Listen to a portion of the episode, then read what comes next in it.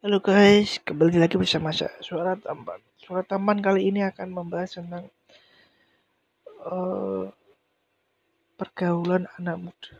Anak muda zaman sekarang. Pergaulan anak muda zaman sekarang itu tidak pernah berpikir sebelum bertindak. Kebanyakan bertindak dulu sebelum berpikir.